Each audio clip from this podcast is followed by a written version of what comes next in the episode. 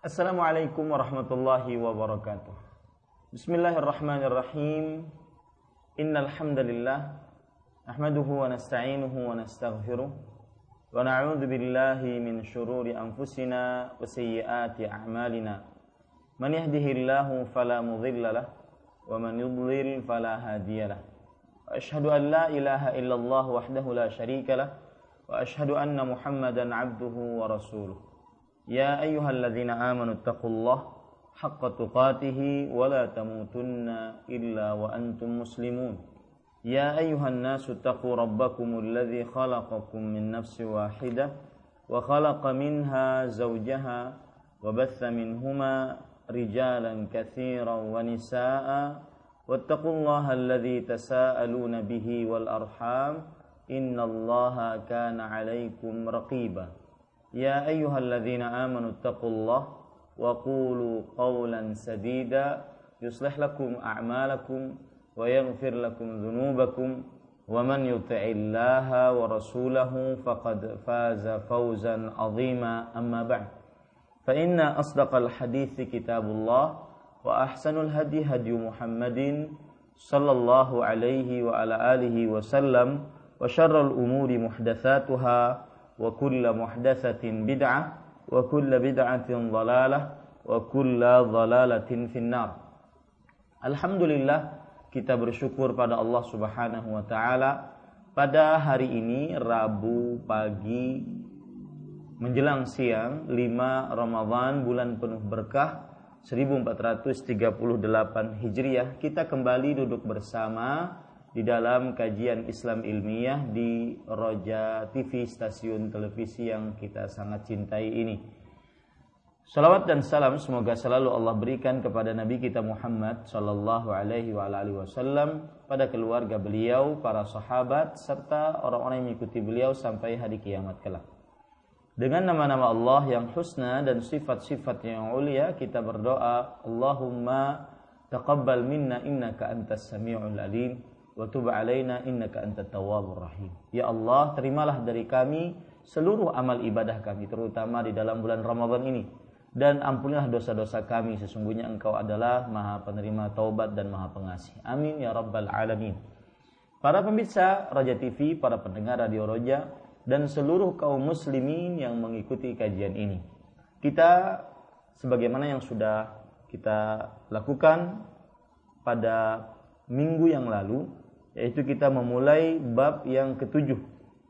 Dan bab yang ketujuh ini adalah bab loncatan dari bab yang keempat. Ya bab yang keempat. Sebenarnya kita masuk kepada bab yang kelima itu hukum-hukum yang khusus tentang sholat wanita. Akan tetapi karena momen Ramadan maka kita masuk kepada bab yang ketujuh dan bab yang ketujuh di sini penulis mengatakan di dalam kitabnya Al-Faslu Sabi'u bab yang ketujuh ahkamun takhtassu bil mar'ah fi babis siyam hukum-hukum yang khusus tentang puasa bagi wanita. Dan pada pertemuan sebelumnya kita sudah sampai kepada perkataan penulis yaitu saumu syahri Ramadan wajibun ala, kus, ala kulli muslimin wa muslimah wa huwa ahadu arkanil Islam wa mabanihi al-'idham. Qala Allah Ta'ala, "Ya ayyuhalladzina amanu kutiba 'alaikumus shiyam." Alladzi kutiba 'alaikumus shiyam kama kutiba 'alal ladzina min qablikum la'allakum tattaqun. Adapun puasa pada bulan Ramadan merupakan kewajiban bagi setiap muslim dan muslimah dan puasa merupakan salah satu dari rukun Islam dan pondasi Islam yang besar. Allah Subhanahu wa taala berfirman yang artinya wahai orang-orang yang beriman diwajibkan atas kalian berpuasa sebagaimana diwajibkan atas orang-orang sebelum kalian agar kalian bertakwa Al-Qur'an surat Al-Baqarah ayat 183. Pada pertemuan sebelumnya kita sudah membahas tentang Ramadan yaitu apa itu Ramadan dan kenapa Ramadan dinamakan Ramadan. Kemudian kita juga sudah membahas tentang puasa. apa makna puasa secara bahasa dan secara terminologi syar'i. Kemudian kita juga sudah membahas perkataan penulis merupakan kewajiban. Apa itu kewajiban bagi setiap muslim dan muslimah? Ya, diwajibkan bagi setiap muslim dan muslimah yang balik, berakal, mampu, mukim, dan terlepas dari halangan-halangan untuk berpuasa. Mereka lah orang-orang yang diwajibkan untuk berpuasa. Kemudian juga saya sudah menyinggung pada pertemuan yang lalu yaitu ancaman keras baik dari hadis Rasul Shallallahu Alaihi Wasallam dan juga perkataan para ulama tentang bahaya tidak berpuasa dengan sengaja pada bulan Ramadan atau berbuka dengan sengaja tanpa ada alasan syar'i di siang hari bulan Ramadan. Kemudian penulis menyebutkan dan puasa merupakan salah satu rukun Islam. Nah, sampai di sini kita pada pertemuan sebelumnya. Para pemirsa yang dirahmati oleh Allah Subhanahu wa taala, dalil yang menunjukkan bahwa puasa adalah merupakan rukun Islam hadis riwayat Bukhari dan Muslim bahwa Rasulullah sallallahu alaihi wasallam bersabda dari hadis Abdullah bin Umar radhiyallahu anhuma bunyal islamu ala khams syahadati an la ilaha illallah wa anna muhammadan rasulullah wa iqamis salah wa siyami ramadan wal haji wa ita'iz wa, wa ita'iz zakah wa siyami ramadan wal hajj. Artinya Islam dibangun di atas lima perkara yaitu bersyahadat dua kalimat syahadat bahwa tidak ada ilah yang berhak diibadahi melainkan Allah dan bahwa Muhammad sallallahu alaihi wasallam adalah Rasulullah. Yang kedua mendirikan salat, yang ketiga membayar zakat, yang keempat berpuasa pada bulan Ramadan dan yang kelima berhaji ke Baitullah. Inilah yang disebut oleh para ulama akhirnya rukun Islam. Rukun artinya adalah secara bahasa al-janibul aqwa minasyai yaitu sisi yang paling kuat pada sesuatu, sisi yang paling kuat pada sesuatu. Sehingga sesuatu tersebut tidak akan pernah ada tanpa sisi itu. Maka begitulah puasa sebagai rukun Islam. Tidak akan pernah ada Islam tanpa ada puasa. Dan secara terminologi syar'i, e, rukun adalah ruknu fil istilah, rukun secara terminologi syar'i yaitu ma la illa bihi, sesuatu yang tidak akan sempurna kecuali dengannya. Islam tidak akan sempurna kecuali dengan puasa. Maka Di sinilah terletak pentingnya puasa dan seorang muslim yang tidak berpuasa pada bulan Ramadan dengan sengaja tanpa ada alasan yang dibenarkan oleh syariat, salah satu penyebabnya adalah dia tidak mengetahui kedudukan puasa Ramadan. Bahwa dia adalah rukun Islam yang tidak ada puasa Ramadan, tidak ada Islamnya. Maka para ikhwan yang dirahmati oleh Allah, di situlah letak pentingnya kedudukan puasa Ramadan, rukun Islam yang ketiga. Kemudian di sini disebutkan wa mabanihil idham, yaitu pondasi Islam yang besar. Kenapa? Karena puasa adalah pondasi-pondasi yang dibangun di atasnya amal-amal lain. Kalau seandainya tidak ada puasa padahal dia muslim, balik, berakal, mampu, mukim, terlepas dari haid dan nifas, maka bangunan-bangunan Islam yang lain tidak ada manfaat untuknya. Di sini letak pentingnya pondasi Islam. Uh, letak pentingnya is, uh, puasa maksud saya. Nah, sekarang kita ingin mengetahui tentang keutamaan puasa sehingga kita benar-benar termotivasi untuk berpuasa Ramadan dan kita tidak akan pernah meninggalkan puasa tersebut dalam keadaan bagaimanapun Selama kita muslim balik berakal, mampu, mukim dan terlepas dari haid dan nifas. Kita tidak akan pernah tinggalkan karena kita mengetahui keutamaan puasa Ramadan. Ya, keutamaan puasa Ramadan.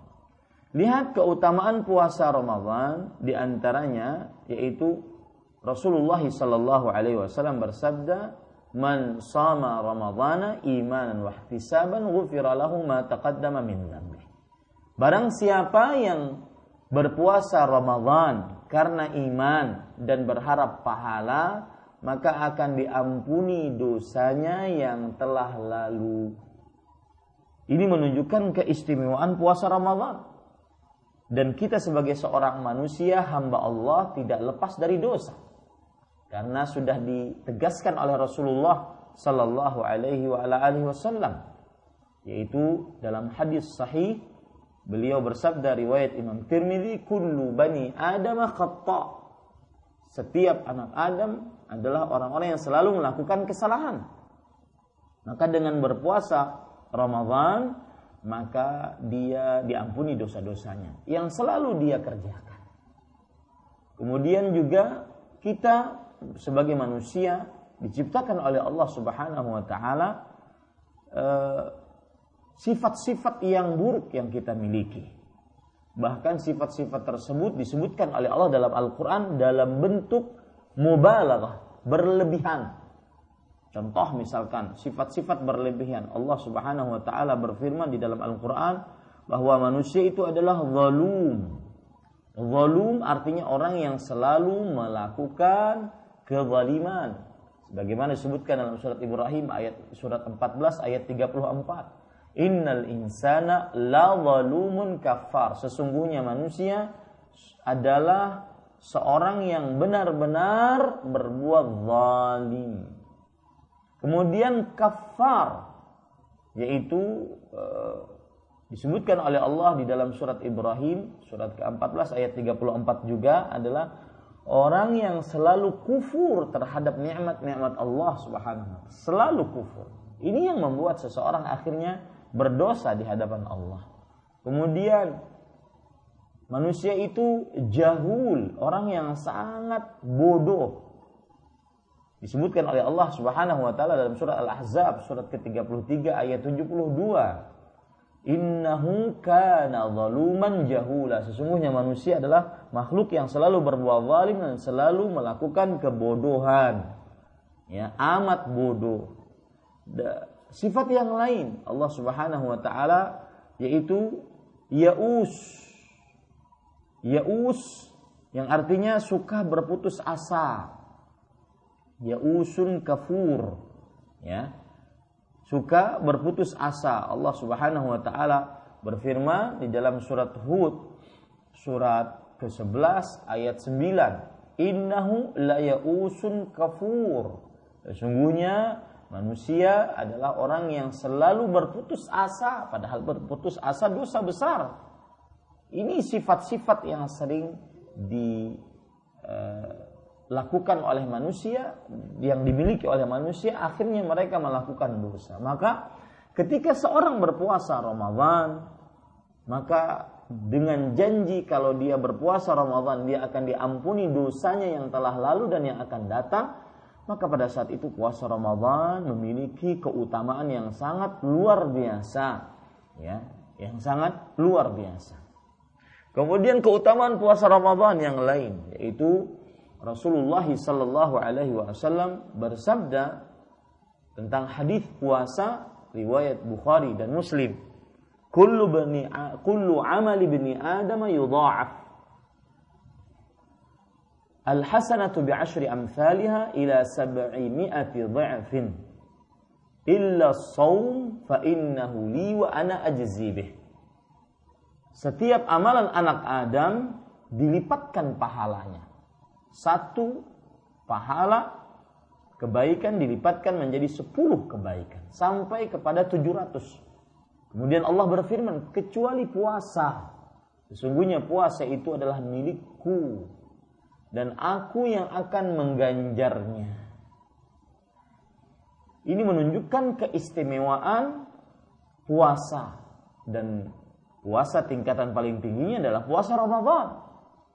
Ini menunjukkan bahwa keistimewaan puasa adalah mendatangkan pahala yang tidak terhingga. Tidak ada batasannya. Karena di dalam puasa ada sifat sabar. Sabar dalam melakukan ketaatan, yaitu dengan berpuasa, sabar dalam menjauhi larangan, yaitu dalam menjauhi pembatal-pembatal dan keharaman-keharaman tatkala puasa dan sabar dalam menjauhi atau sabar dalam menghadapi hal-hal yang buruk yaitu lapar, haus. Maka Allah berfirman tentang orang-orang yang sabar, "Innama yuwaffas sabiruna ajrahum bighairi hisab." Sesungguhnya Allah Subhanahu wa taala akan memberikan ganjaran bagi orang-orang yang sabar tanpa batas, tanpa hitungan. Dan puasa terdapat tiga kesabaran tersebut. Makanya pahala puasa tidak ada yang mengetahuinya, hanya Allah Subhanahu wa taala yang mengetahuinya. Ini keistimewaan puasa terutama puasa Ramadan. Kemudian para ikhwan yang dirahmati oleh Allah Subhanahu wa taala. Keistimewaan puasa Ramadan di antaranya adalah bahwa Rasulullah Sallallahu Alaihi Wasallam menyebutkan puasa Ramadan dan juga puasa-puasa yang lainnya siapa yang ahli puasa dia akan masuk ke pintu surga Ar-Rayyan yang tidak akan dimasuki kecuali orang-orang yang ahli puasa. Dalam hadis riwayat Bukhari dari Sahal ibn Sa'ad radhiyallahu an, Rasulullah sallallahu alaihi wasallam bersabda, "Inna fil jannati baban yuqalu lahu Rayyan." Sesungguhnya di dalam surga terdapat sebuah pintu dinamai Rayyan. Yadkhulu minhu saimuna yaumal qiyamah. Orang-orang yang ahli puasa akan masuk darinya pada hari kiamat La yadkhulu minhu ahadun ghairuh. Di sini letak istimewanya. Tidak akan masuk darinya seorang pun selain mereka. Yuqal akan dikatakan pada hari kiamat, aina saimun? Mana orang-orang yang ahli puasa termasuk di dalamnya tingkatan puasa paling tinggi puasa Ramadan. Fayaqumun la yadkhulu minhu ahadun ghairuh. Lalu mereka bangun dan tidak akan masuk dari pintu tersebut seorang pun selain mereka. Fa'idha dakhala akhiruhum ughliq falam yadkhul minhu ahad. Kalau sudah orang terakhir ahli puasa masuk ke dalam surga tersebut, maka pintunya akan tertutup. Tidak ada seorang pun yang masuk darinya. Subhanallah. Ini merupakan keistimewaan puasa Ramadan dan puasa-puasa lainnya secara umum. Kemudian para ikhwah yang dirahmati oleh Allah Subhanahu wa taala, Puasa Ramadan yang keempat keistimewaannya mendatangkan dua kebahagiaan di dunia dan di akhirat. Di antaranya yaitu hadis yang diriwayatkan oleh Imam Bukhari dan juga Imam Muslim dari Abu Hurairah radhiyallahu anhu. Qala Allah Ta'ala Allah Subhanahu wa taala berfirman la khalufu famis saimi atyabu indallah min rihil misk lis-saimi farhatan yafrahuhuma idza aftara. Fariha wa idza laqiya rabbahu fariha bisawmi. Sungguh bau mulut orang yang berpuasa lebih wangi di sisi Allah dibandingkan bau minyak wangi misik orang yang berpuasa mempunyai dua kebahagiaan. Yang dia bergembira dengan kebahagiaan tersebut.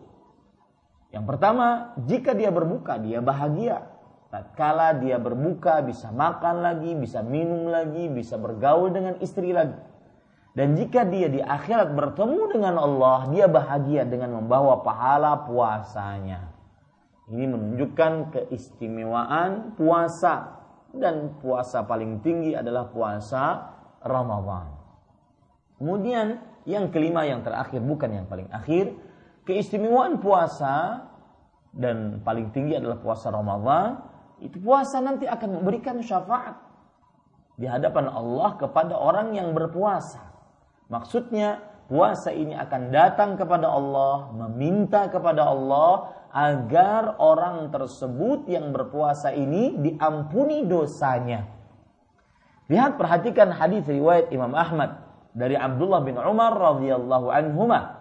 Rasulullah sallallahu alaihi wasallam bersabda, "As-siyamu wal Qur'an yashfa'ani al-'abdi yawm al-qiyamah."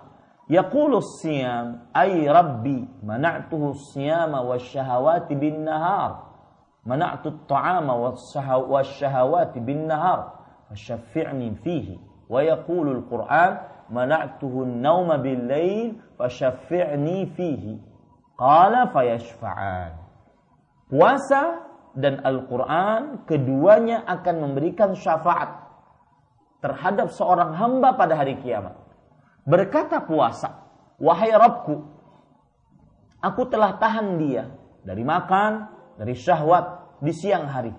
Maka ampunilah dia, berikan syafaatku kepadanya." Maksudnya ampunilah dosanya.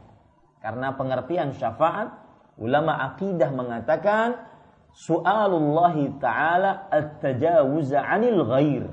Meminta kepada Allah Subhanahu wa taala agar dosa orang lain diampuni. Itu syafaat. Begitulah nanti puasa akan memberikan syafaat kepada pelakunya. Yaitu dia akan berdoa kepada Allah agar ahli puasa diampuni dosanya oleh Allah. Bacaan Al-Quran berkata, Aku telah larang dia untuk tidur di malam hari. Maka ampunilah dia. Maka akhirnya kedua-duanya mengampuni uh, kedua-duanya uh, mendatangkan atau memberikan syafaat kepada pelakunya. Taib. Sekarang para ikhwah yang dirahmati oleh Allah kita langsung kepada apa yang disebutkan oleh penulis. Setelah beliau menyebutkan ayat tentang puasa, maka beliau mengatakan wa ma'na kutiba furidha dan makna dari kutiba adalah diwajibkan. Ini sudah kita bahas pada pertemuan sebelumnya bahwa puasa Ramadan wajib. Atas siapa? Muslim, balil, berakal, mungkin mampu dan terlepas dari yang menghalangi seseorang untuk berpuasa seperti haid dan nifas. Maka dia wajib hukumnya ya. Dan wajib pengertiannya adalah ma amara bihi syari' amran jaziman wastuhiqqa bil azabi tarikuhu amdan. Sesuatu yang diperintahkan oleh syariat dengan perintah yang keras yang diancam orang yang meninggalkannya dengan siksa jika ditinggalkan dengan sengaja. Kemudian penulis mengatakan, فَإِذَا balagatil الْفَتَاتُ سِنَّ التَّكْلِفِ bi إِحْدَى أَمَارَاتِ amaratil عَلَيْهَا وَمِنْهَا الْحَيْضُ فَإِنَّهُ يَبْدَأُ وُجُوبَ fa فِي حَقِّهَا fi. Artinya, maka apabila seorang anak wanita sudah sampai pada batas umur yang ia berkewajiban melaksanakan agama dengan nampaknya tanda-tanda balil. Salah satunya adalah haid. Pada waktu itu kewajiban puasa atasnya dimulai. Di sini penulis mengatakan anak wanita yang sudah sampai batas umur yang ia berkewajiban melaksanakan agama. Maksudnya dia dibebani tanggung jawab untuk beribadah kepada Allah Subhanahu wa taala. Dengan nampaknya tanda-tanda baligh. Para ikhwah yang dirahmati oleh Allah Subhanahu wa taala, apa itu tanda-tanda baligh? Ya, sehingga kita mengetahui bahwa tanda-tanda balik ini diwajibkan kalau sudah dia sampai kepada tanda-tandanya. Perhatikan baik-baik Bapak Ibu, saudara-saudari. Tanda balik yang pertama ya, khusus wanita karena ini kajian khusus wanita. Tanda balik yang pertama adalah yaitu haid khusus wanita. Maka wajib baginya untuk berpuasa pada saat itu. Kalau sudah haid wanita ini. Nah, di sini dalil yang menunjukkan akan hal itu, Bapak Ibu saudara-saudari yang dimuliakan oleh Allah Subhanahu wa taala adalah Rasulullah sallallahu alaihi wasallam bersabda dalam hadis riwayat Imam Bukhari dari Aisyah radhiyallahu anha, "Alaysa idza hadat lam tusalli wa lam tasum?" Bukankah seorang wanita jika dia sudah haid, maka dia tidak sholat dan tidak berpuasa? Kemudian riwayat yang lain dari Aisyah, riwayat Imam Muslim bahwa beliau bercerita, "Kana yusibuna dzalika, fa nu'maru biqada'is shaum wa la nu'maru salah." Maka kita di e, mendapati haid di zaman Rasulullah sallallahu alaihi wasallam, maka kita tidak berpuasa dan diperintahkan untuk mengqadha puasa dan tidak diperintahkan untuk mengqadha salat. Ini menunjukkan bahwa tanda balik bagi khusus wanita adalah haid. Maka wanita apabila mendapati dirinya haid wajib untuk berpuasa. Ya, wajib untuk berpuasa. Dan di sini terdapat pelajar permasalahan, yaitu apabila seorang anak wanita atau itu nanti ya nanti ya karena berkaitan bukan dengan anak wanita tapi anak laki-laki. Taib. Ibu-ibu saudari-saudari muslimah dan juga para pendengar radio Roja dan seluruh kaum muslimin yang dimuliakan oleh Allah Subhanahu wa taala, adapun tanda balik yang kedua yaitu adalah bermimpi. Ya, tanda balik yang kedua adalah bermimpi. Rasulullah sallallahu alaihi wasallam bersabda dalam hadis riwayat Imam Abu Daud dari hadis Ali bin Abi Thalib radhiyallahu anhu. Nabi Muhammad sallallahu alaihi wasallam bersabda, "Rufi'al qalamu an thalathah, 'anil maghlumi, 'anil majnunil maghlubi 'ala aqlihi hatta yafiq, wa 'anil naimi hatta yastayqir, wa 'anil sabiyyi hatta yahtalim." Pena pencatat buku di catatan amal diangkat dari tiga orang dari orang gila yang hilang akalnya sampai sadar. Dari seorang yang tidur sampai dia bangun. Dari seorang yang anak kecil sampai dia bermimpi. Para ikhwah yang dirahmati oleh Allah Subhanahu wa taala, bermimpi di sinilah yang disebut dengan tanda balik. Dan tanda balik yang ketiga yaitu ketika seorang berumur 15 tahun. Karena para sahabat Nabi radhiyallahu anhum mereka ketika ingin berjihad di antaranya contohnya perang Badar, perang Uhud, maka dilihat yang masih umur 14 tahun maka tidak diperbolehkan untuk berjihad karena belum balik. Kemudian tanda yang keempat yaitu tumbuhnya mohon maaf bulu-bulu di sekitar kemaluan. Maka ini khusus uh, ini juga umum bagi laki-laki dan perempuan. Itu empat tanda balik. Ya. Nah, sekarang terjadi permasalahan sebagaimana sudah saya sebutkan tadi. Kalau seandainya ada anak lelaki di siang hari Ramadan dia bermimpi basah. Maka apa yang harus dia kerjakan? Otomatis sekarang dia sudah sebagai seorang yang wajib diwajibkan atasnya berpuasa karena sudah balik dan baliknya di siang hari Ramadan. Maka permasalahan ini para pemirsa yang dirahmati oleh Allah Subhanahu wa taala ini persis seperti permasalahan seorang kafir yang dia masuk Islam di siang hari Ramadan. Anak kecil laki-laki yang dia balik bermimpi di siang hari Ramadan. Ya, ini semuanya sama ini, dua-dua ini sama. Ada tiga lagi yang yaitu seorang yang gila dan dia sadar di siang hari Ramadan. Ini tiga orang ini. Gila, dia sadar di siang hari Ramadan.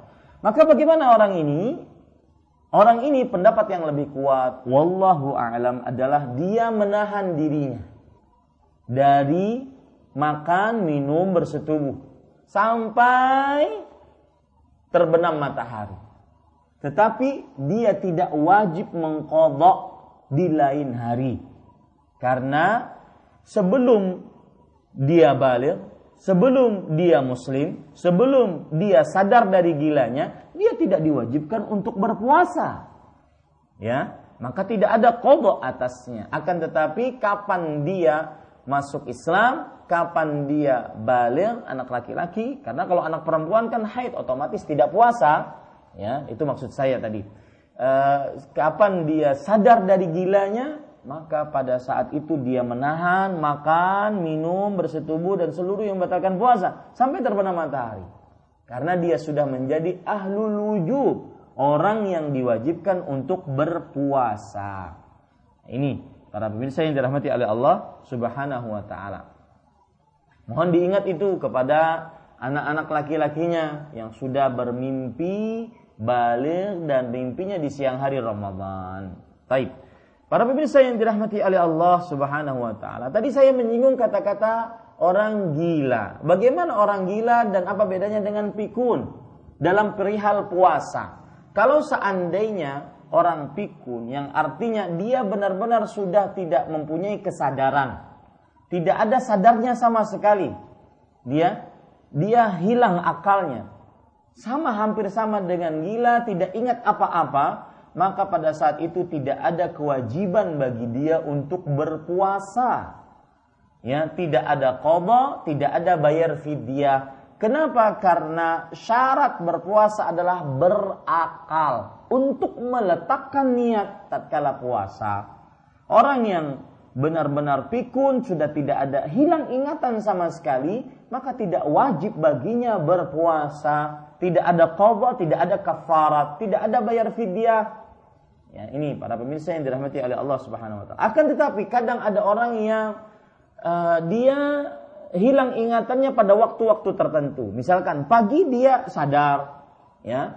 Pagi dia sadar, ternyata nanti hilang siang. Selalu siang hilang ingatannya. Ada mungkin manusia seperti itu.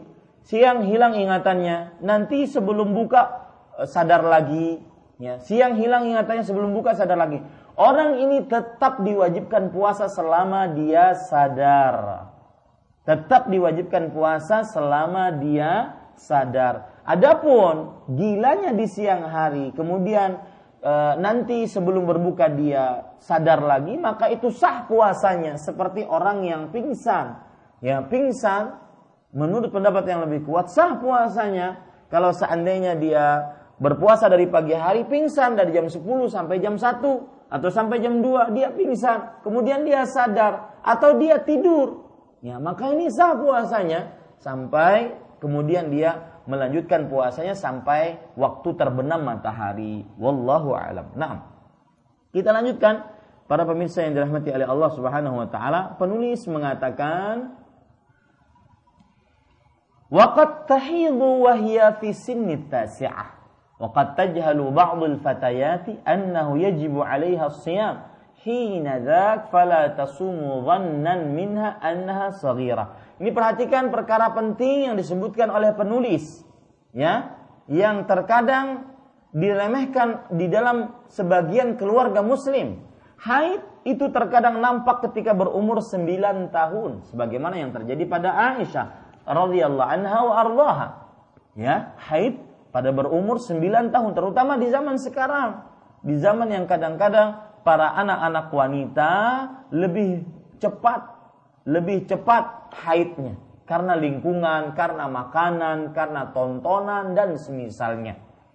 Nah, haid terkadang nampak ketika berumur 9 tahun. Terkadang ia juga belum mengetahui kewajibannya berpuasa sehingga dia tidak berpuasa karena mengira bahwa dia masih kecil ya. Sedangkan orang tuanya tidak memperhatikan hal itu dan tidak memerintahkan untuk berpuasa. Di sini terdapat berbagai macam masalah. Yang pertama yang saya ingin ingatkan kepada kaum muslimin adalah kita dari sebagai orang tua maka semestinya mengingatkan anak-anak kita untuk berpuasa. Ya. Untuk berpuasa. Sebagaimana kebiasaan para sahabat Nabi radhiyallahu anhum. Dalam hadis riwayat Bukhari. Dalam cerita puasa hari Araf puasa hari Ashura.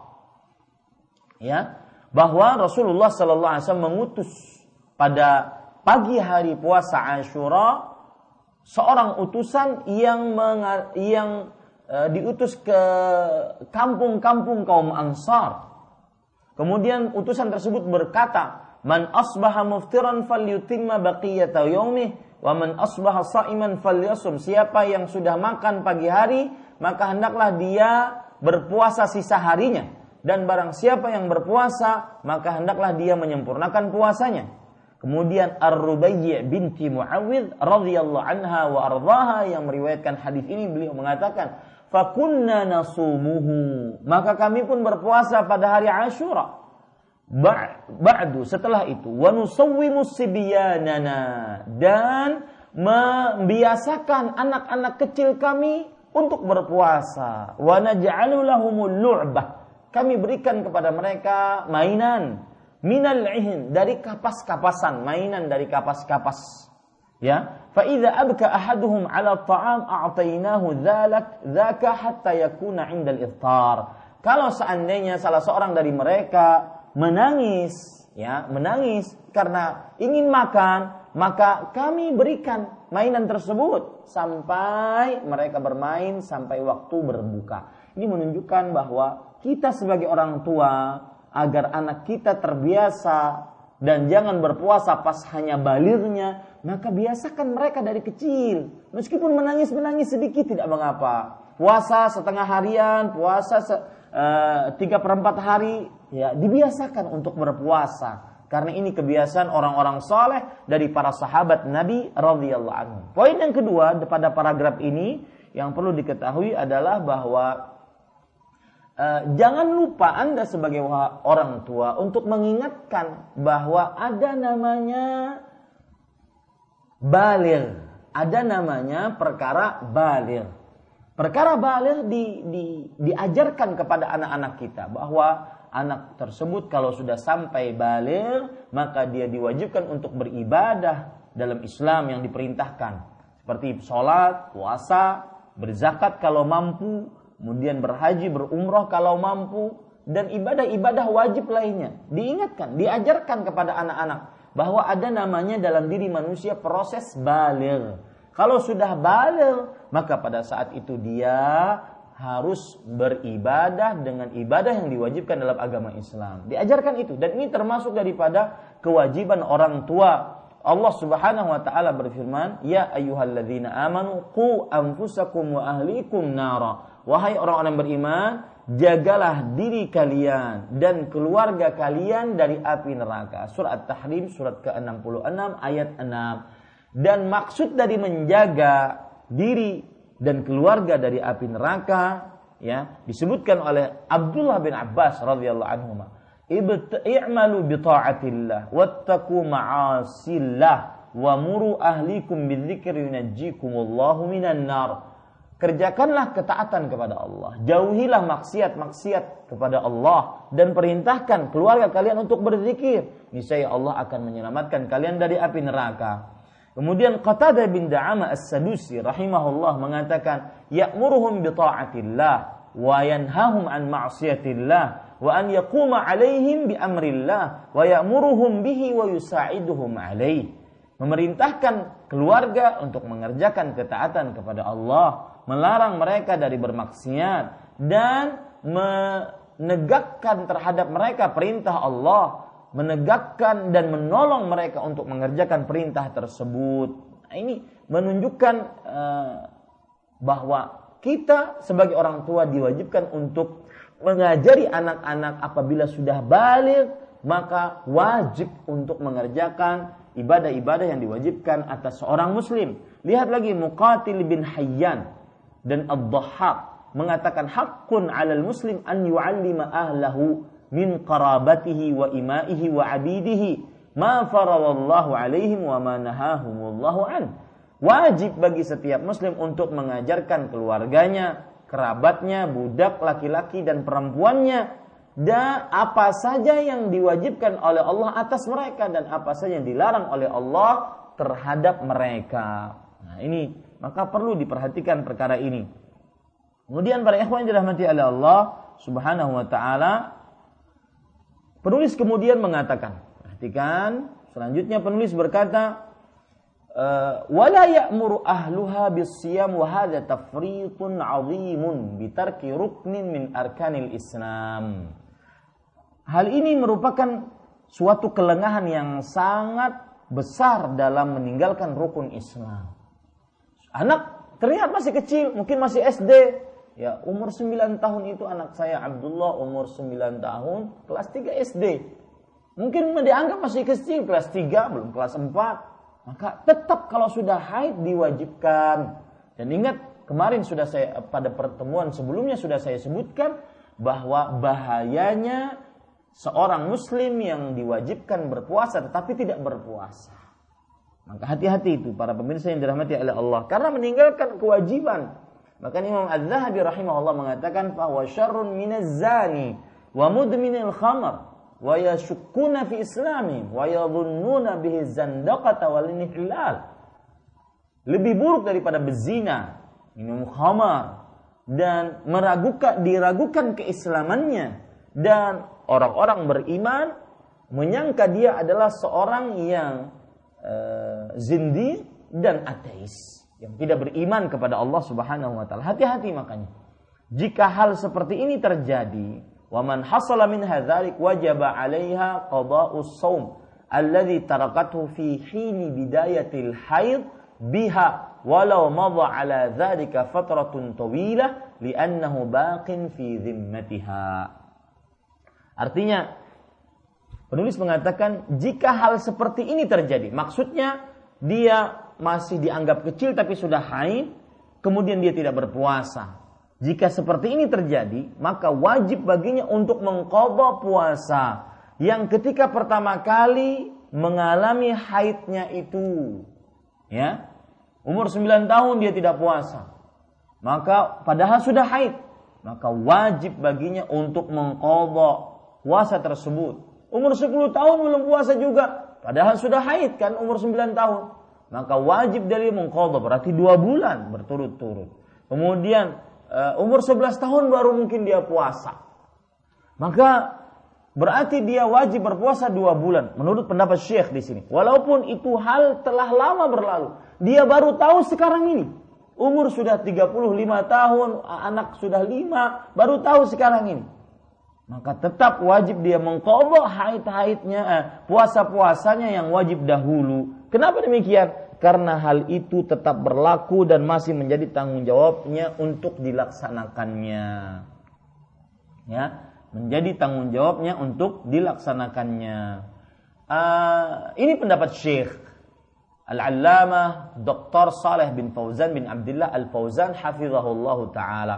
Adapun sebagian ulama berpendapat bahwa siapa yang meninggalkan puasa Ramadan dengan sengaja tanpa ada alasan yang dibenarkan oleh syariat padahal dia diwajibkan dia muslim balik berakal mampu mukim terlepas dari haid dan nifas tapi dia tinggalkan dengan sengaja ada sebagian yang berpendapat bahwa dia hanya bertobat karena itu dosa besar. Dan karena puasa Ramadannya sudah lewat. Kalau dia berpuasa sekarang, berarti dia berpuasa di lain waktu. Sedangkan berpuasa di lain waktu, berpuasa wajib di lain Ramadan, maka ini perbuatan yang mengada-ngada dalam agama. Maka dia dia bertobat kepada Allah dengan taubah nasuha, dengan sebenar-benar tobat menyesali dan dia harus takut dari dosa tersebut dia harus banyak-banyak beristighfar ketika bertaubatnya karena dia sudah meninggalkan puasa yang itu lebih buruk dari zina dan minum khamar dan bisa diragukan keislamannya maka dia harus benar-benar bertaubat ini dua pendapat uh, Syekh Al-Allamah Abdul uh, uh, Dr. Saleh bin Fauzan bin Abdullah Al-Fauzan hafizahullah taala beliau berpendapat wajib diqadha puasa-puasa yang telah lalu yang dia tinggalkan wajib diqadha. Caranya bagaimana? Dia hitung. Ya, dia hitung kapan saya balik, kemudian berapa bulan saya tidak berpuasa dari Ramadan-Ramadan yang ada selama balik tersebut, dia wajib untuk mengkodok puasa tersebut. Adapun pendapat Imam Ibnu Utsaimin rahimahullahu taala bahwa puasa mempunyai waktunya yaitu di dalam bulan Ramadan. Ada awalan ada akhirannya. Maka apabila dia meninggalkan puasa Ramadan dengan sengaja tanpa ada alasan yang dibenarkan oleh syariat maka dia wajib bertobat dan tidak wajib mengqadha karena dia sudah meninggalkan puasa tersebut di, dari waktunya. Dan jika dikerjakan di luar waktunya, maka berarti dia mengerjakan amalan yang belum ada contohnya karena berpuasa wajib di selain Ramadan. Dan saya lebih condong kepada pendapat yang kedua. Kemudian penulis mengatakan, catatan dan wajib atasnya memberi makan fakir miskin setengah hari eh, setiap hari setengah sa' makanan. Kurang lebih satu liter beras. Di samping ia mengkodok puasanya. Para ikhwah yang dirahmati oleh Allah subhanahu wa ta'ala bahwa seorang yang berpuasa eh, seorang yang meninggalkan puasa Ramadan kemudian sekarang dia ingin bertobat menurut syekh dia wajib mengkodok di lain hari. Ya dia wajib mengkodok di lain hari. Dan dia juga membayar fidyah kepada fakir miskin dengan makanan pokok yaitu sekitar setengah sa' satu sa' itu kalau kita ukuran kilo sekitar 3 kilo menurut pendapat Syekh Al-Allamah Al-Imam uh, Abdul Aziz bin Baz rahimahullahu taala setengah sa' berarti 1,5 kilogram kalau liter maka wallahu alam yang benar adalah 2 liter ya 2 liter. Di samping ia mengkodok puasanya. jadi dia bayar fidyah dan juga bayar puasa. Kenapa demikian bayar fidyah dan bayar puasa? Fidyah itu sebagai keterlambatan dia untuk berpuasa. Di sini para ikhwan yang dirahmati oleh Allah Subhanahu wa taala. Wallahu a'lam sebagaimana yang sudah kita sebutkan tadi yang meninggalkan puasa Ramadan dengan sengaja tanpa ada alasan yang dibenarkan oleh syariat maka wallahu alam ya saya lebih condong kepada pendapat bahwa dia wajib bertobat karena telah melakukan dosa besar dan tidak ada qada atasnya tidak ada bayar fidyah atasnya dia wajib mengqadha eh, dia wajib bertobat saja ya Baik, para pemirsa yang dirahmati oleh Allah Subhanahu wa taala. Itu kalau seandainya dia meninggalkan puasa Ramadan dengan sengaja. Adapun kalau seandainya dia punya hutang puasa dan belum bayar sampai sekarang. Contoh, wanita ini haid. Kemudian dia tidak puasa. Aturan aturannya dia membayarnya di uh, lain hari selain Ramadan karena dia punya hutang puasa haid atau nifas. Ya. Lalu dia belum bayar, sudah bertahun-tahun belum bayar. Nah, ini wajib dibayar. Kenapa? Karena itu zimmahnya, karena itu tanggungannya terhadap Allah Subhanahu wa taala. Ini wajib dibayar karena dia punya hutang puasa. Ya, ini wajib dibayar karena dia punya hutang puasa dan hanya membayar. Adapun membayar fidyah, wallahu alam, saya juga tidak berpendapat sedemikian. Ya, ini para ikhwan yang dirahmati oleh Allah Subhanahu wa taala. Tapi para pemirsa yang dirahmati oleh Allah Subhanahu wa taala, e, contoh misalkan orang sakit, tidak puasa, lalu dia belum bayar sudah bertahun-tahun, ini wajib bayar. Kenapa? Karena dia punya hutang puasa kepada Allah Subhanahu wa taala. Taib. Kemudian penulis mengatakan, para pemirsa yang dirahmati oleh Allah, man yajibu alaihi Ramadan. Siapakah orang yang wajib berpuasa Ramadan?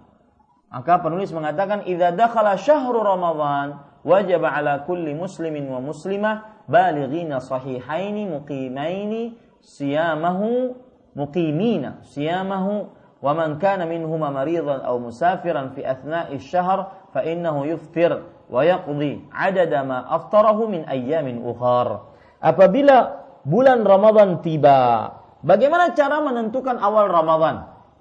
Ya.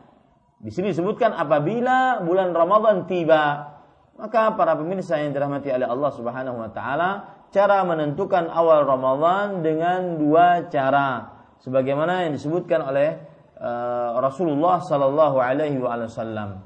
Yang pertama yaitu melihat hilal bulan Ramadan, melihat yaitu dengan cara ru'yah, melihat hilal bulan Ramadan. Dan para ikhwah yang dirahmati oleh Allah Subhanahu wa taala, dalil yang menunjukkan akan hal ini adalah Rasulullah sallallahu alaihi wasallam bersabda dalam hadis yang diriwayatkan oleh Imam uh, Bukhari dan Muslim. Nabi Muhammad sallallahu alaihi wasallam bersabda, "Asy-syahru hakadha wa hakadha." Bulan itu kadang 29 hari, kadang 30 hari. Fala tasumu hatta tarawul hilal wala tuftiru hatta taraw. Janganlah kalian berpuasa sampai kalian melihat hilal dan janganlah kalian berhari raya sampai kalian melihat hilal. Fa in ghumma 'alaikum faqdurulah. Jika terhalang kalian melihat hilal, maka e, hitunglah. Maksudnya sempurnakanlah jumlah bilangan bulan Sya'ban menjadi 30 hari. Dalam riwayat yang lain, Rasul Shallallahu Alaihi Wasallam bersabda, ini perhatian kepada e, sebagian kaum muslimin yang masih menggunakan proses hisab. Maka yang pokoknya adalah hilal apa ru'yah hilal. Adapun hisab hanya sekedar membantu. Ya lihat hadis Rasul yang begitu terang benderang. Rasul SAW bersabda, Inna ummatun ummiyah. Sesungguhnya kita adalah umat ummiyah. Ummiyah disebutkan oleh Ibnul Athir rahimahullah, la naktub, yaitu tidak menulis. Wala nahsib, yaitu tidak menghitung. Ya, tidak menulis, tidak membaca, itu tidak menulis dan tidak membaca asyahru hakadha wa hakadha. Bulan itu 29 hari atau 30 hari sesuai dengan penglihatan hilal. Maka para ikhwan yang dirahmati oleh Allah Subhanahu wa taala semestinya diperhatikan permasalahan seperti ini bahwa cara yang pertama menentukan awal Ramadan adalah dengan melihat hilal. Ini yang paling sesuai dengan sunnah Nabi Muhammad sallallahu alaihi wasallam. Bahkan kita tidak diperbolehkan untuk berpuasa sebelum melihat hilal. Ini kan penekanan. La tasumu, jangan kalian berpuasa sebelum melihat hilal. Ya, bukan sebelum dihisap, sebelum melihat hilal. Kemudian para ikhwan yang dirahmati oleh Allah Subhanahu wa taala uh, dan perhatikan perkara atau perkataan yang sangat menarik para ikhwah yang dirahmati oleh Allah Subhanahu wa taala. Yaitu perkataan dari imam dari komite tetap untuk fatwa dan riset ilmiah. Bahwa inti perkataannya adalah Islam ini agama rahmatan lil alamin. Agama kasih sayang untuk alam semesta bahkan lintas alam. Bukan hanya alam dunia tetapi alam jin. Ya, Rasul Shallallahu Alaihi Wasallam diutus kepada manusia dan jin, diutus kepada orang-orang yang hidup di perkotaan dan hidup di perdesa di pedesaan, diutus kepada orang yang berilmu dan orang yang awam, diutus kepada orang yang kaya, orang yang miskin, diutus kepada seluruh manusia dan jin. Maka syariatnya pun juga universal, bisa diamalkan oleh seluruh makhluk hidup dari manusia dan jin yang tinggal di mana pun dia. Dan ru'yah hilal sangat tepat dengan kondisi syariat Islam yang universal ini. Karena semua manusia bisa mengerjakannya. Yang di perkotaan bisa mengerjakannya, di pedesaan bisa mengerjakannya yang kaya, yang alim bisa mengerjakannya, yang miskin, yang awam bisa mengerjakannya. Maka proses penetapan Ramadan dengan ru'yah hilal ini adalah yang paling wajib dilakukan oleh setiap kaum muslimin di mana pun dia berada. Dan ini sesuai dengan konsekuensi syari, konsekuensi dalil dan konsekuensi realita yang ada. Makanya saya sering mengatakan Ramadan dengan ru'yah hilal konsekuensi dalil dan konsekuensi syari uh, realita yang ada. Dalilnya memang seperti itu. Kemudian realita yang ada juga seperti itu. Tidak semua bisa menghitung.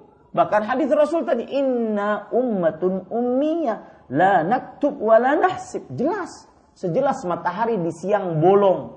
Kita adalah umat yang tidak baca, tidak menulis umminya. Tidak menulis, tidak menghitung. Nah, beliau mengatakan bulan itu 29, bulan itu 30 hari. Sesuai dengan penglihatan hilal. Karena setelah itu beliau bersabda, "Fala tasumu hatta tarau wala tuftiru hatta tarau." Janganlah kalian berpuasa sebelum melihat hilal. Janganlah kalian berbuka sebelum melihat hilal. Ini para ikhwan yang dirahmati Allah. Itu uh, ringkasan fatwa dari komite fatwa untuk uh, untuk fatwa dan riset ilmiah. Ada lagi perkataan yang menarik yang dikatakan oleh Imam Al-Bani rahimahullahu taala Para ikhwan yang dirahmati oleh Allah Subhanahu wa taala yaitu perkataan disebutkan di dalam kitab Silsilah Al-Ahadits As-Sahihah. Silsilah Al-Ahadits As-Sahihah. Coba perhatikan perkataan beliau yang menunjukkan bahwa seorang muslim semestinya dia agar di dalam ibadah-ibadah yang dituntut untuk dilakukan secara berjamaah maka hendaknya dia mengikuti kesatuan kaum muslimin. Jangan berpecah belah. Dan di sini ya, hendaknya kaum muslimin mengikuti pemimpin negaranya dan kesatuan kaum muslimin di bawah kepemimpinan negaranya. Semestinya seperti itu. Apalagi kita di negara Indonesia, negara Islam, pemimpinnya pun Muslim, dan cara yang di, ditentukan oleh pemerintah dalam menentukan awal Ramadan pun sesuai dengan sunnah Rasul Shallallahu Alaihi Wasallam. Lalu apalagi kurangnya kita untuk tidak mengikuti pemerintah dalam hal ini? Ya, lihat perkataan yang sangat menarik. Yang tujuan dari perkataan ini adalah bahwa Semestinya kaum muslimin dalam ibadah yang dituntut dilakukan secara berjamaah maka mengikuti pemimpinnya, kesatuan kaum muslimin dan meninggalkan ar-ra'yul fardi yaitu pendapat-pendapat pribadi yang kadang-kadang bertentangan dengan pendapat kesatuan kaum muslimin sehingga memecah belah ibadah yang semestinya dilakukan secara berjamaah. Lihat perkataan indah dari Imam Muhammad Nasiruddin Al-Albani rahimahullahu taala, Al-Muhaddits. Beliau mengatakan di dalam kitab Silsilah Al-Ahadits As-Sahih. Eh, nomor hadisnya 224. Beliau mengatakan, "Wa hadha huwa al-la'iqu bisyari'ati samhah." Dan inilah yang paling cocok dengan sifat syariat yang mudah. Allati min ghayatiha tajmi'un nas wa tauhidu sufufihim. Yang mana puncak tujuan dari syariat Islam menyatukan manusia dan menyatukan barisan mereka. Wa ib'aduhum an kulli ma yufarriqu jam'ahum dan menjauhkan dari setiap apa saja yang mencerai beraikan kesatuan mereka. Minal ara'il fardiyah. Dari pendapat pendapat pribadi. Fala ta'tabiru syari'atu ra'yal fardi walau kana sawaban fi wijhati nazarihi. Fi ibadatin jamaiyah. Maka tidak dianggap oleh syariat Islam pendapat pribadi, termasuk di dalamnya pendapat organisasi, pendapat kelompok, walaupun dia anggap benar pendapatnya tersebut menurut pandangannya. Di dalam ibadah-ibadah yang dikerjakan secara berjamaah, kasaum seperti puasa, wat seperti hari raya, wasalatil jamaah seperti salat berjamaah. Ala tara anna sahabata radhiyallahu anhum kana yusalli ba'dhuhum ba'dhuhum wara'a ba'd. Apakah kamu tidak perhatikan para sahabat Nabi radhiyallahu anhum? Sebagian dari mereka menjadi imam dari sebagian yang lain, yang lain bermakmum kepada sebagian yang lain. Padahal di antara mereka wa fihim man yara anna massal mar'ah wal udwi wa khurujid dami min. Di antara mereka ada yang berpendapat menyentuh wanita, menyentuh kemaluan, keluar darah termasuk pembatal wudu. Wa minhum man Dan ada di sebagian mereka yang tidak melihat itu. Wa minhum man yutimmu fis safar wa minhum man yaqsur. Di antara mereka ada yang menyempurnakan uh, ketika bersafar, ada yang sholatnya qasar ketika safar. Falam yakun ikhtilafuhum hadza wa ghairuhu liyamna'ahum min al-istima' fi salati wara' al-imam al-wahid wal i'tidadu biha wa dhalika li'ilmihim bi anna at-tafarruqa fi din syarrun min al-ikhtilafi ba'd al-ara' Uh, maka perbedaan pendapat mereka tersebut tidak menjadikan mereka menahan diri untuk bersatu di dalam sholat di belakang satu imam. Dan menganggap imam tersebutlah yang paling pantas dijadikan sebagai imam yang sholat di belakangnya. Yang demikian itu karena mereka mengetahui bahwa berpecah ber, e, terpecah belah, berpisah-pisah dalam beragama keburukan, keburukan, ya. Ada keburukan.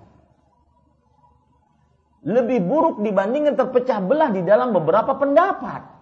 Pendapat mereka boleh berbeda pendapat, tapi urusan sholat berjamaah dengan satu imam mereka mereka lebih baik menghilangkan pendapat-pendapat tersebut dan bersatu di belakang imam. Walaqad balagal amru bi ba'dihim fi 'adam al-i'tidad bir-ra'y al-mukhalif li ra'y al-imam al-wahid imam al-a'zam fi al-mujtama' al-akbar kamina. Dan telah sampai bahkan perkara mereka bahwa mereka tidak menganggap pendapat pribadi yang menyelisih pendapat pemimpin yang besar di dalam kesatuan kaum muslimin terbesar seperti ketika di Mina ila haddi tarkil amali bi ra'yihi itlaqan fi dzalikal mujtama. Firaran mimma qad yuntiju minasyarri bisababil amali bi ra'yihi. Sampai kepada batas mereka meninggalkan pendapat mereka sama sekali ya di dalam kesatuan kaum muslimin terbesar saat itu. Agar menjauhi sesuatu yang bisa menghasilkan keburukan kalau dia mengamalkan pendapatnya.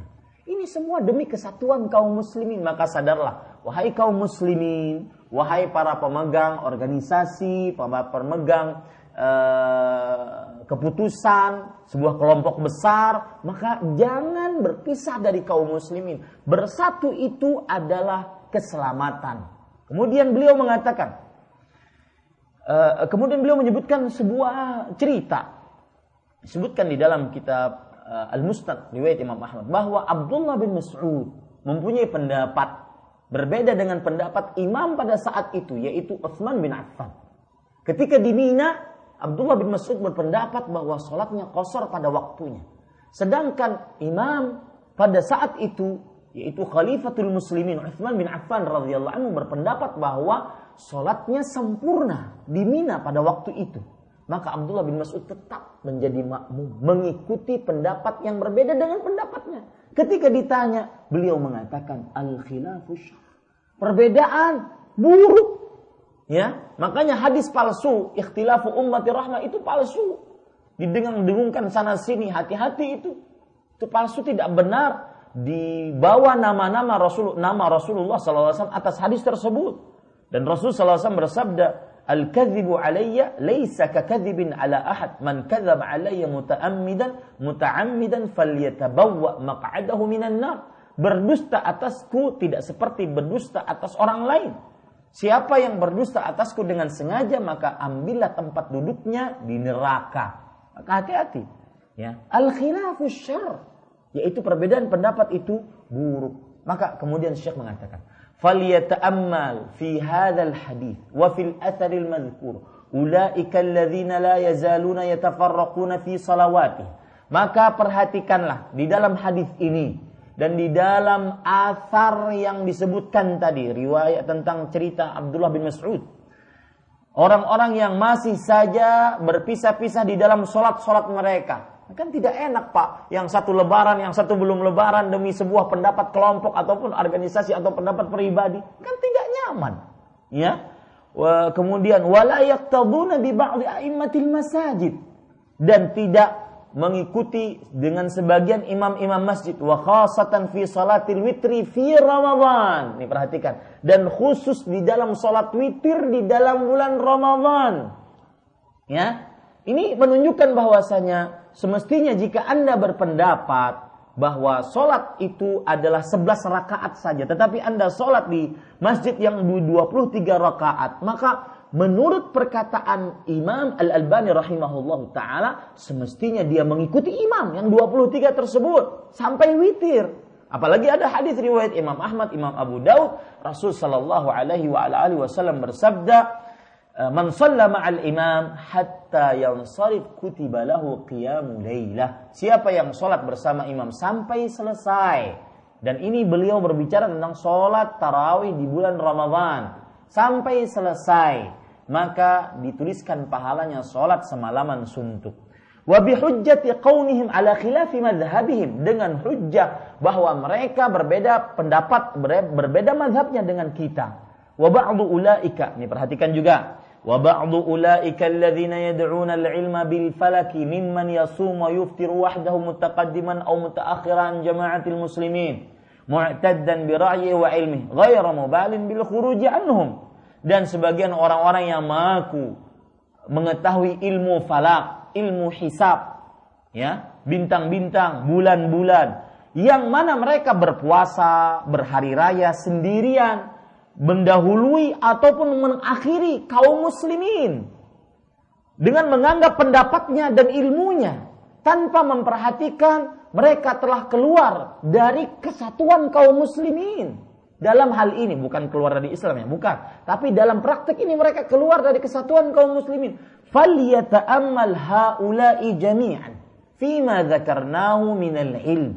Maka perhatikanlah seluruh dari mereka itu dari apa yang telah kita sebutkan berupa ilmu. Li'ilmihim la'allahum yajiduna syifaan lima fi nufusihim min jahlin wa ghurur. Agar mereka mendapati obat penyembuh dari kebodohan dan juga sikap tertipu dengan sikap mereka tersebut. Yang akhirnya fayakunu saffan wahidan ma ikhwanihimul muslimin. Akhirnya menjadi satu barisan bersama kaum muslimin fa inna yadallahi 'alal jamaah. Sesungguhnya tangan Allah bersama kesatuan kaum muslimin. Ini para ikhwah. Ya, ini kita ambil dari kata-kata penulis mengatakan apabila bulan Ramadan tiba, ya, ya, tibanya bulan Ramadan satu dengan cara ru'yah hilal, yang kedua dengan cara yaitu fa in ghumma alaikum fa akmilu iddata sya'bana 30. Jika terhalang melihat hilal bagi kalian, sempurnakanlah bulan menjadi 30 hari, yaitu bulan Sya'ban. Kemudian penulis mengatakan,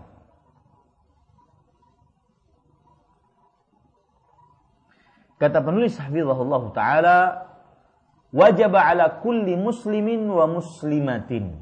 Maka setiap muslim dan muslimah balighin ba, bali, balighaini sahihaini yang sudah balik yang sudah balik ya. Di sini disebutkan yang akil. Akil itu berakal. Balik itu sudah kita sebutkan tadi. Dalam keadaan sehat. Muqimaini siyamahuma. Dan sedang mukim di rumah. Bukan bersafar. Wajib berpuasa inilah yang disebut dengan syarat-syarat puasa. Maka perhatikan para ikhwah yang dirahmati oleh Allah Subhanahu wa taala. Syarat-syarat puasa diwajibkan seseorang berpuasa ada enam ya. Dan syarat artinya secara bahasa adalah al-alamah tanda. Sedangkan secara istilah syar'i syarat adalah ma yalzamu min adamihi al-adam wa la yalzamu min wujudihi wujudun wa la adamu lidzatih. Sesuatu yang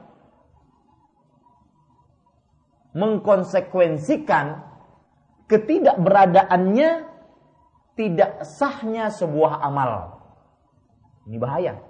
Syarat adalah sesuatu yang mengkonsekuensikan ketidakberadaannya tidak sah sebuah amal dan tidak mengkonsekuensikan keberadaannya harus beramal atau tidak beramal pada amalan tersebut. Contoh, syarat sahnya sholat itu berwudu. Maka wudu mengkonsekuensikan tidak adanya wudhu mengkonsekuensikan tidak sahnya sholat. Tetapi keberadaan wudhu tidak mengkonsekuensikan harus selalu sholat ataupun tidak. Nah ini dia. Ya harus selalu sholat ataupun tidak. Nah, maka e, syarat puasa ada enam. Yang pertama Islam. Jadi penulis mengatakan maka setiap muslim dan muslimah Islam. Orang kafir tidak wajib dan tidak sah puasa. Akan tetapi mereka akan disiksa atas tidak puasa mereka. Di akhirat mereka akan disiksa atas tidak puasa karena uh, ini perkara akidah penting seorang muslim harus memahaminya karena ulama-ulama akidah menyatakan bahwa Orang kafir pun sebenarnya diberikan redaksi untuk mengerjakan syariat-syariat Islam. Sholat, puasa, zakat, haji, baca Quran, berdoa. Orang kafir pun diberikan redaksi untuk mengerjakan itu. Akan tetapi mereka tidak bisa mengerjakannya karena kekafirannya. Makanya mereka akan disiksa karena kekafirannya dan karena tidak mengerjakannya syariat tersebut. Dua siksa mereka. Ganda siksanya. Ya, double siksanya. Lihat dalil yang menunjukkan bahwa mereka pun akan e, mereka pun diberikan redaksi untuk mengerjakan syariat Islam dalam perihal sholat misalkan dan sedekah dan juga e, beragama dalam hadis eh, dalam surat Al-Mudathir ayat 42 sampai 47 Allah Subhanahu wa taala berfirman "Ma salakakum fi saqar?" Apa yang menyebabkan kalian masuk neraka saqar wahai orang kafir? Mereka menjawab, "Qalu lam naku minal musallin." Kami tidak termasuk orang yang sholat. Disiksa karena tidak sholat. Berarti mereka ini diberikan redaksi untuk mengerjakan sholat. Tetapi karena mereka kafir, maka mereka tidak diwajibkan dan tidak sah. Maka mereka mendapatkan dua ya hukuman nanti.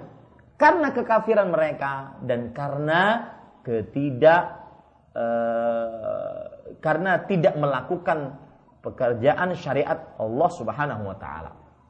Kemudian lanjutannya, walam miskin dan kami tidak memberikan sedekah kepada orang miskin. Wa kunna nakhudhu ma'al dan kita mengolok-olok agama bersama orang-orang yang mengolok. Wa kunna nukadzibu dan kami mendustakan hari kebangkitan hatta atana yakin sampai datang kepada kami kematian yang yakin. Maka syarat yang pertama, syarat Islam. Ini syarat wajib dan syarat sah. Artinya orang kafir tidak wajib untuk berpuasa dan orang kafir tidak sah kalau berpuasa. Ya, dalilnya juga yang menunjukkan akan hal ini adalah surah At-Taubah ayat 54. Wa ma mana'ahum an tuqbala minhum nafaqatum illa annahum kafaru billah wa birasuli. Dan tidak ada yang menahan mereka untuk diterima amalan-amalan mereka kecuali karena mereka kufur terhadap Allah dan Rasulnya. Syarat yang kedua balil. Sudah kita bahas tadi. Syarat yang ketiga yaitu berakal. Orang yang tidak berakal tidak wajib untuk berpuasa dan tidak sah puasanya. Ya, maka dia syarat akal ini syarat wajib dan syarat sah. Tidak wajib untuk berpuasa, orang gila, Kalaupun orang gila ini berpuasa tidak sah karena dia tidak bisa berniat. Syarat keempat yaitu mampu. Di sini disebutkan oleh penulis adalah sehat. Mampu maksudnya sehat, ya, tidak sakit. Sakitnya itu baik sakit akut atau sakit kronis, ya. Boleh orang tidak berpuasa kalau sakit, baik itu sakitnya akut datang tiba-tiba ataupun sakit kronis, sakit yang menahun. Kalau sakitnya akut tidak berpuasa maka dia mengkodok di lain hari. Kalau sakitnya kronis, yaitu sakitnya sudah lama menahun, sulit diharapkan kesembuhannya, maka dia boleh tidak berpuasa dan dia membayar fidyah. Ya, nanti kita akan bahas itu. Kemudian harus mampu ya, mampu. Ataupun kalau seandainya dia tidak sakit tapi tua renta, sangat tua sekali seperti yang terjadi kepada Anas bin Malik radhiyallahu anhu. Beliau ketika sudah tua, beliau tidak berpuasa, kemudian dua tahun berturut-turut, maksudnya dua Ramadan berturut-turut, kemudian beliau bayar fidyah. Nah ini mampu. Dan syarat mampu ini adalah syarat wajib. Dalam artian orang tua Orang yang sakit kalau tetap berpuasa maka sah puasanya. Asalkan dia menjauhi larangan-larangan puasa, pembatal-pembatal puasa, sah puasanya. Tetapi sebenarnya dia tidak diwajibkan atasnya berpuasa. Kemudian di sini syarat yang kelima yaitu mukim, tidak safar. Karena Allah berfirman dalam Al-Quran surah Al-Baqarah ayat 185, "Faman kana minkum maridan aw ala safar, fa'iddatun min ayyamin ukhar." Barang siapa di antara kalian sakit atau bepergian, maka boleh dia berbuka dan dia mengganti di lain hari ya. Harus mukim.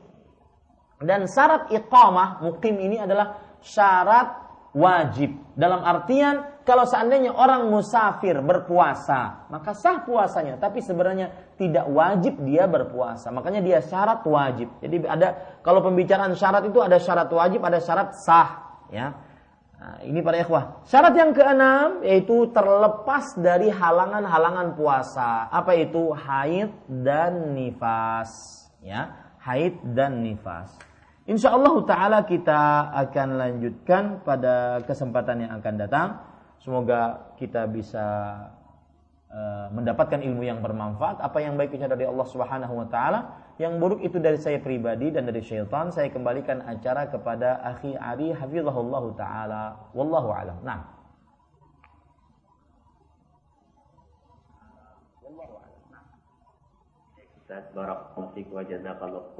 Terima kasih waktu dan pelajaran yang sangat bermanfaat yang telah sampaikan kepada kami kesempatan pagi hari ini. Semoga yang singkat ini dapat memberikan banyak kita semuanya khususnya kita yang mengerjakan ibadah puasa di Ramadan ini. Dan dari Fatal Islam yang bertanya silahkan bisa menghubungi telepon kami di 0218236543 sebutkan nama anda dan anda berasal dan kami akan pertanyaan-pertanyaan anda sesuai dengan apa yang telah saya sampaikan untuk pesan singkat itu 81 988 sebagai pembuka pernyataan bacakan, pertanyaan pertama sudah saksikan. Pertanyaan dari saudari Atika yang tinggal di Kepulauan Riau. Ustaz bertanya, uh, sudah mulai datang bulan umur 13 tahun. Pernah mengganti puasa. Dan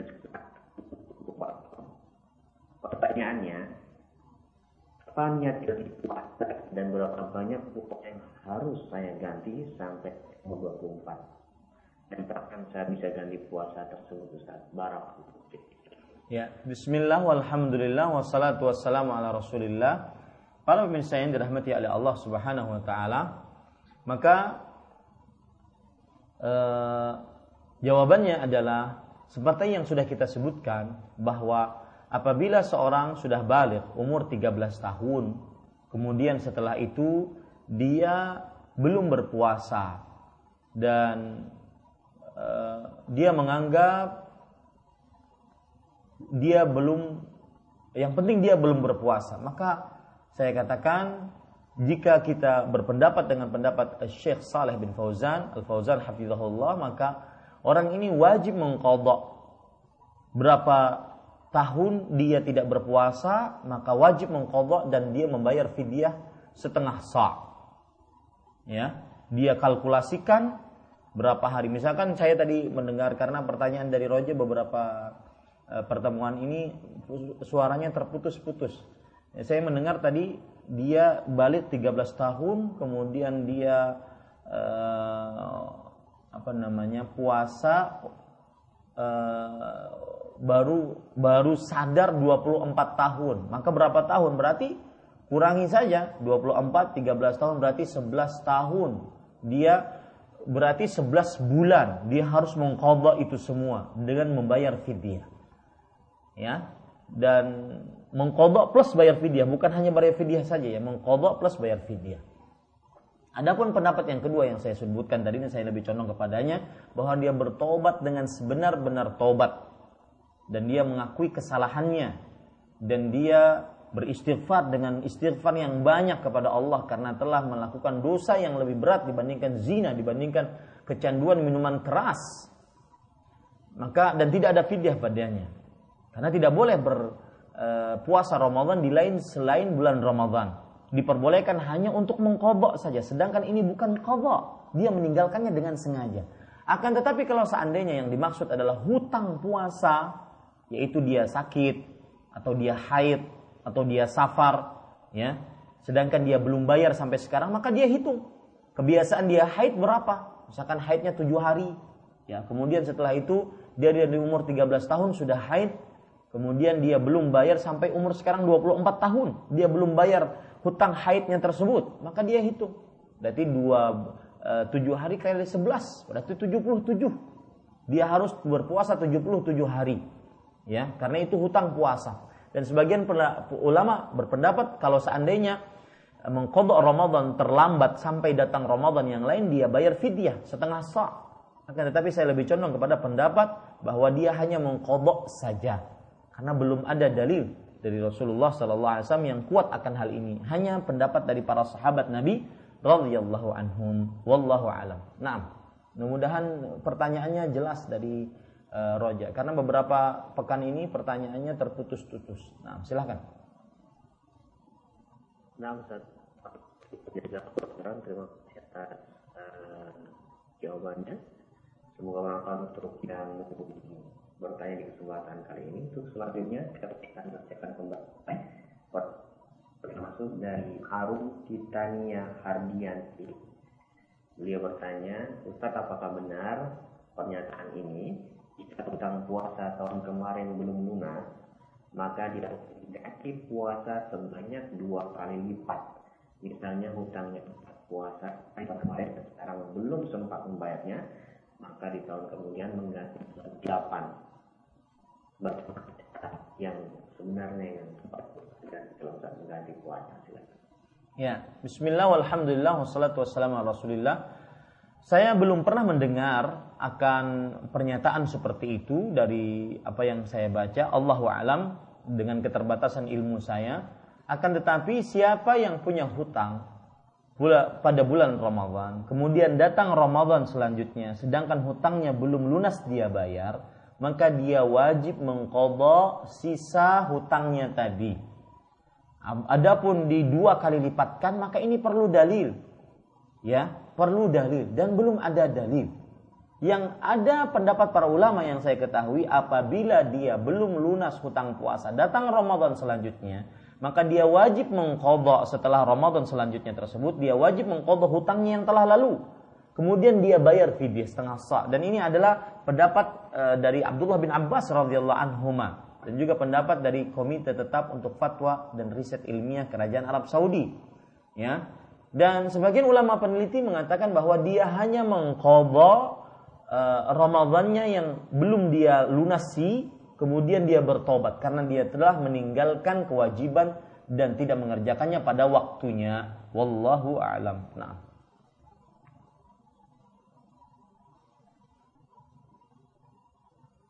Kalau terima kasih atas jawabannya. Selanjutnya akan silakan Anda yang ingin bertanya silakan 218236543 kami angkat telepon yang pertama.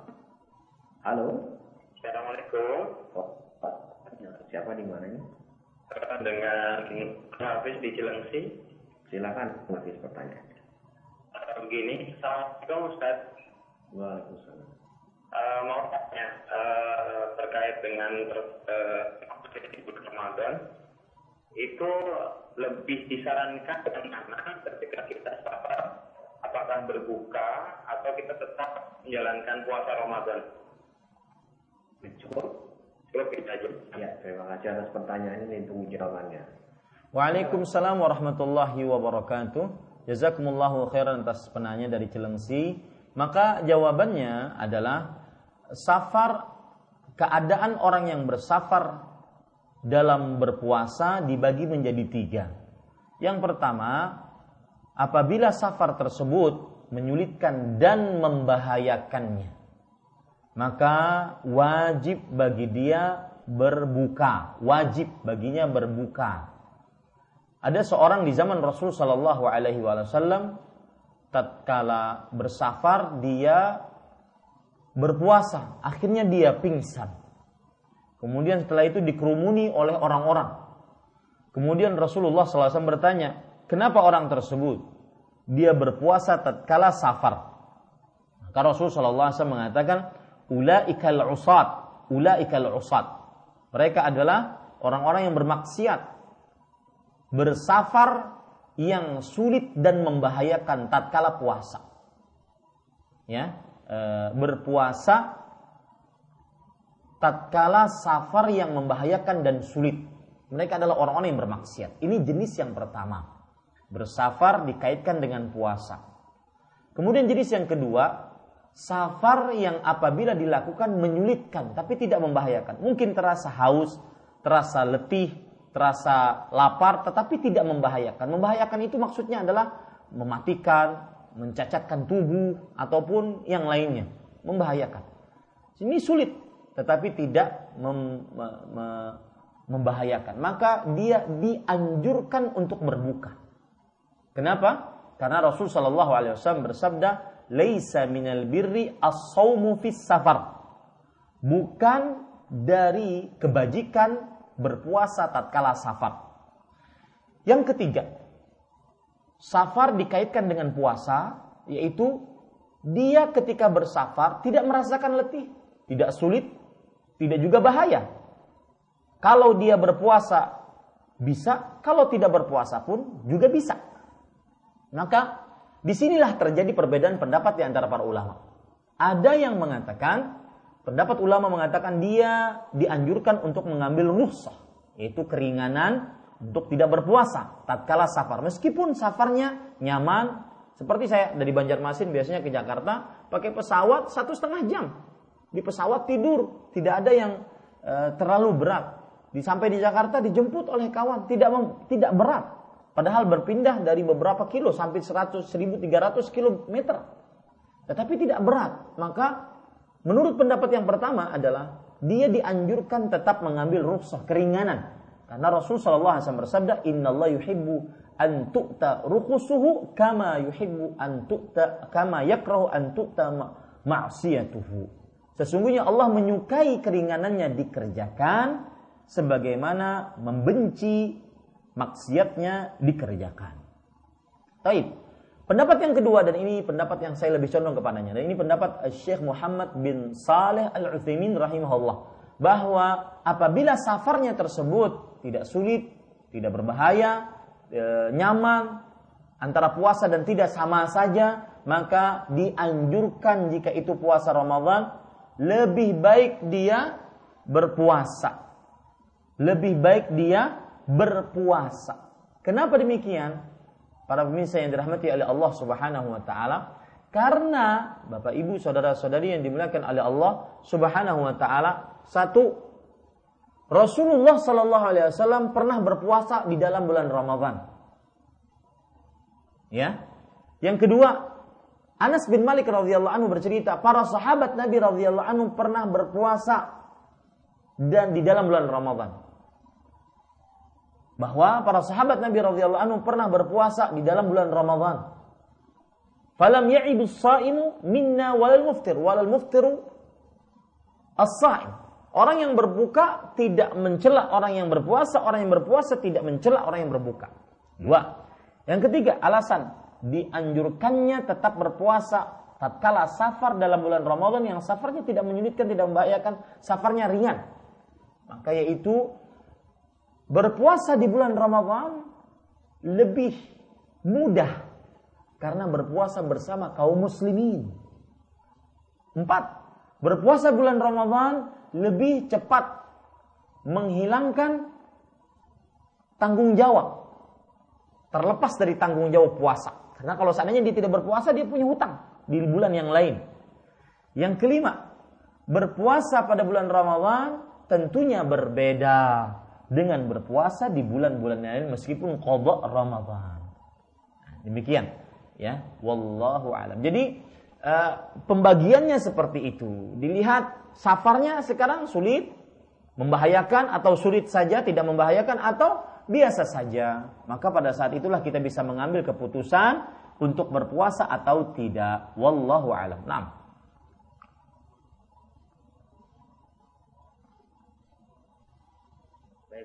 pertanyaan selanjutnya kami angkat uh, telepon yang kedua silakan 018236543. Halo. Silakan. Kami persilakan Anda yang bertanya. Uh, silakan Anda bisa menghubungi nomor kami 02 823. Halo. Halo, Assalamualaikum. Waalaikumsalam. Bapak siapa ini di mana? Dengan hamba-hamba di Cilacap Pak Mustahil Saya kan menjadi keluarga banyak melakukan pemerintahan terutama setelah sholat tadi dengan mengatakan kebersamaan saudara apa berbeda adalah satu keburukan apakah saya ketika sholat bersama kita ikut bersama Assalamualaikum warahmatullahi wabarakatuh. Waalaikumsalam warahmatullahi wabarakatuh. Ya, mohon maaf uh, ulangi pertanyaannya karena suaranya terputus-putus di sini.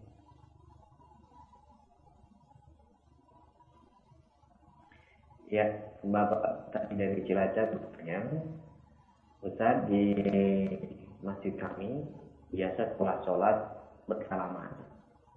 Dan setelah itu jelaskan bahwasanya kalau perbedaan itu tidak diperlukan. Nah, apakah setelah sholat kami harus atau saya ikut bersalaman agar tidak berbeda. Silakan. Ya, Bismillah, walhamdulillah, wassalatu wassalamu rasulullah para uh, pemirsa terutama yang bertanya dari Cilacap tadi, maka jawabannya para ikhwan yang dirahmati oleh Allah, yang kita bicarakan tadi adalah ibadah jamaiyah yang memang disyariatkan. Ibadah secara kesatuan kaum muslimin disyariatkan secara bersatu ya seperti sholat berjamaah seperti e, masuknya bulan Ramadan seperti hari raya hari Jumat sholat Jumat dilaksanakan secara bersatu. Adapun ibadah-ibadah yang bid'ah yang belum ada contohnya dari Rasul Shallallahu Alaihi Wasallam maka kita tidak perlu mengikuti dan tidak wajib mengikutinya. Bahkan berdosa jika mengikutinya. Bahkan kita wajib untuk menasehati kaum muslimin yang mengerjakan amalan-amalan bid'ah yang belum ada contohnya dari Rasul Shallallahu Alaihi Wasallam. Dan khusus untuk berjabat tangan setelah sholat fardu, maka Rasulullah Shallallahu Alaihi Wasallam mengajarkan kita untuk berjabat tangan. Tapi kapan waktunya? Berjabat tangan adalah idal takal muslimai, idal takal musliman. Kalau seandainya dua muslim bertemu, fayatasafahan. Kemudian dua-duanya berjabat tangan ya maka di sini terdapat pahala yang besar. Sebagaimana dalam hadis riwayat Imam Tirmidzi Rasul sallallahu alaihi wasallam bersabda ma min yaltaqiyani fayatasafahani illa ghufira lahuma qabla an yaftariqa. Tidak ada dua muslim yang bertemu kemudian dia saling berjabat tangan kecuali diampuni bagi keduanya sebelum mereka berpisah. Maka ini adalah bagi muslim yang baru bertemu. Adapun sudah lama duduk ber, di masjid, berjamaah, kemudian setelah itu mereka berjabat tangan, maka bukan itu pengamalannya. Dan kalau seandainya ada bahwa kalau kita lihat ya, sholat Rasulullah SAW, beliau diwajibkan sholat dua tahun sebelum hijrah. Berarti beliau sholat selama hidup beliau sholat wajib 12 tahun. Belum ada satu riwayat pun yang beliau kalau mengimami kaum muslimin para sahabat Nabi radhiyallahu anhum setelah selesai sholat maka beliau bangun kemudian disalami oleh seluruh sahabat. 12 tahun mustahil tidak ada riwayatnya sama sekali. Ya 12 tahun.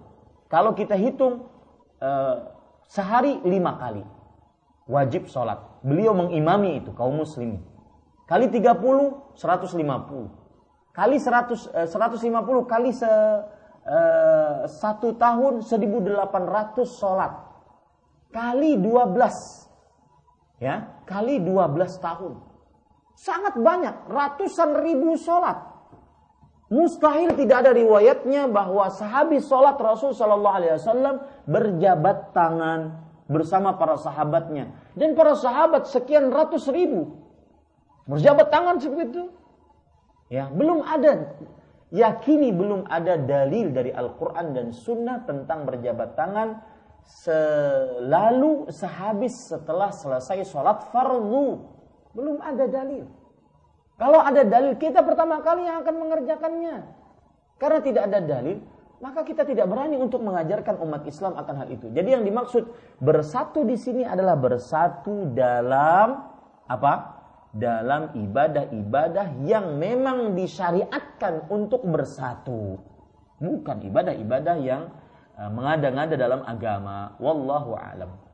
Mungkin ini yang terakhir dari pertanyaan karena sudah waktu dan ada kajian selanjutnya. Kita cukupkan dengan kafaratul majlis Subhanakallah bihamdik asyhadu an la ilaha illa anta astaghfiruka wa atubu ilaik. Wa sallallahu nabiyana Muhammad walhamdulillahi rabbil alamin. Jazakumullahu khairan. Uh, semoga kita senantiasa semangat untuk mengisi Ramadan kita dengan ibadah. Lihat tidak terasa sekarang lima hari. Berarti Ramadan kita tinggal 24 atau 26 hari lagi. Apa? Uh, tinggal 24 ya atau sekitar itu maka isilah Ramadan kita jangan sampai dihinggapi sikap lemah futur semakin mendekati pertengahan dan akhir Ramadan. Wassalamualaikum warahmatullahi wabarakatuh